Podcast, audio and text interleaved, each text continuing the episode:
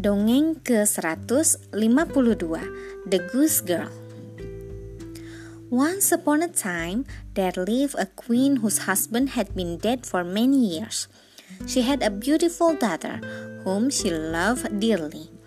When the princess grew up, it was arranged that she should marry a prince who lived in a distant country. It nearly broke the queen's heart to think that the princess would be living so far away but she knew that the prince was a good man and would make her daughter happy. So the queen gave the princess all the treasure she could possibly take with her, as well as a talking horse called Falada. She and the princess said a tearfully goodbye. Then the princess and her maid mounted their horses and galloped away down the road. After the princess had ridden for a while, she felt very thirsty. She asked her maid to go to a nearby stream and fetch her a drink of water in her golden cup. Get it yourself, the girl replied rudely. So the princess leaped down from her from her house and went to the stream to reach the water and drink. When the princess returned to her horse, she found her maid sitting in the saddle I will ride Falada, you can ride my neck, she said, so the princess had to ride the maid's bony old pony. Worse was to come. That evening, the maid forced the princess to swap her royal clothes for the maid's own shabby outfit and told her to tell no one, or the maid would kill her. So they went on with their journey but with the maid wearing the princess clothes and riding her fine horse, and the princess following on behind as the maid. At last, the travelers reached the palace. All the court rejoiced when they arrived, and the prince dashed out to welcome his new bride. He lifted the maid down from Falada and escorted her indoors, thinking her thinking she was the princess. Meanwhile, the old king looked out of the window and saw the real, the real princess standing in the courtyard. He thought she was beautiful and graceful and hurried to ask the prince's bride who she was. Oh, she was just a maid, the wicked maid replied. Give her some work to do, she may as well make herself useful. The king didn't like the idea of the lovely girl doing hard tasks, so he sent her to help a young boy called Conrad to look after the geese. A few days later, the false bride said to the prince, I beg you to do a favor for me. What it is, my dear, the prince replied. I hate that horse I rode here on, the false bride grumbled. I want you to have it killed. Of course, she was worried that Falada would speak and tell everyone that she had done. The prince was rather alarmed, but he didn't want to upset the young lady just before they were married. So he said yes. When the real princess found out what was going to happen, she was frantic. She ran to the slaughterman and paid him several pieces of gold to spare Falada. Then she hid Falada in a field just outside the town gate. Early the next morning, the princess and Conrad drove the flock of geese out through the gateway to take them to the water meadows. As they passed the field where Falada was hidden, the princess said to him, Alas, Falada, hidden there.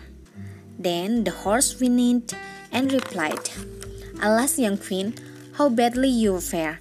If this your tender mother knew, her heart would surely break in two. The princess and Conrad drove their geese into the countryside. When they came to the water meadows, the princess sat down to rest and untied her hair. It shone like pure gold. Conrad thought it was so beautiful that he wanted to pull out a strand for himself. But the princess said, Blow, blow, tow, gentle wind. I say, blow Conrad's little head away and make him chase it here and there until once more I have braided my hair. And there comes such a strong gust of wind that it blew Conrad's head far away, and he was forced to run after it. When he returned, the princess had finished combing her hair and had put it up again, and he could not get any of it. Then Conrad was angry and refused to speak to the princess.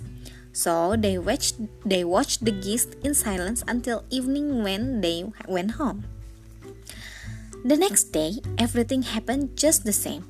And the next, and on the evening on the, of the third day, Conrad stomped off to see the king and said, I won't tend the geese with the girl any longer. Why not? asked the old king. Because she's so annoying, said Conrad and he told the king all about how the princess talked to the horse by the town gate on their way to the meadows, and then made his head blow away over the water meadows every morning. But the old man but the old king commanded Conrad to drive his flock out again the next day, and he went and hid by the town gate to see what happened for himself. The king saw with his own eyes the strange thing that Conrad had described, and when the goose girl came home that evening, he called her to him. Of course, she couldn't tell the king what was going on. If I do, I will be killed, the princess said sadly, shaking her head. The old king thought for a while and then said, If you can't speak to me, why don't you talk to the iron stove over there? And he left the room. The princess crept over to the iron stove and spoke it and spoke to it at, as if it was a close friend, weeping and telling it all the terrible things that the maid had done. Little did she know that the old king was standing outside by the stovepipe and could hear everything. The king hurried back and ordered his servants to dress the princess in royal clothes and how beautiful she was. Then he called his son and told him that the girl he thought was his bride was actually only the waiting maid. When the prince saw the goose girl, he fell deeply in love with her at once. The wicked waiting maid was banished from the kingdom forever on her bonny old pony.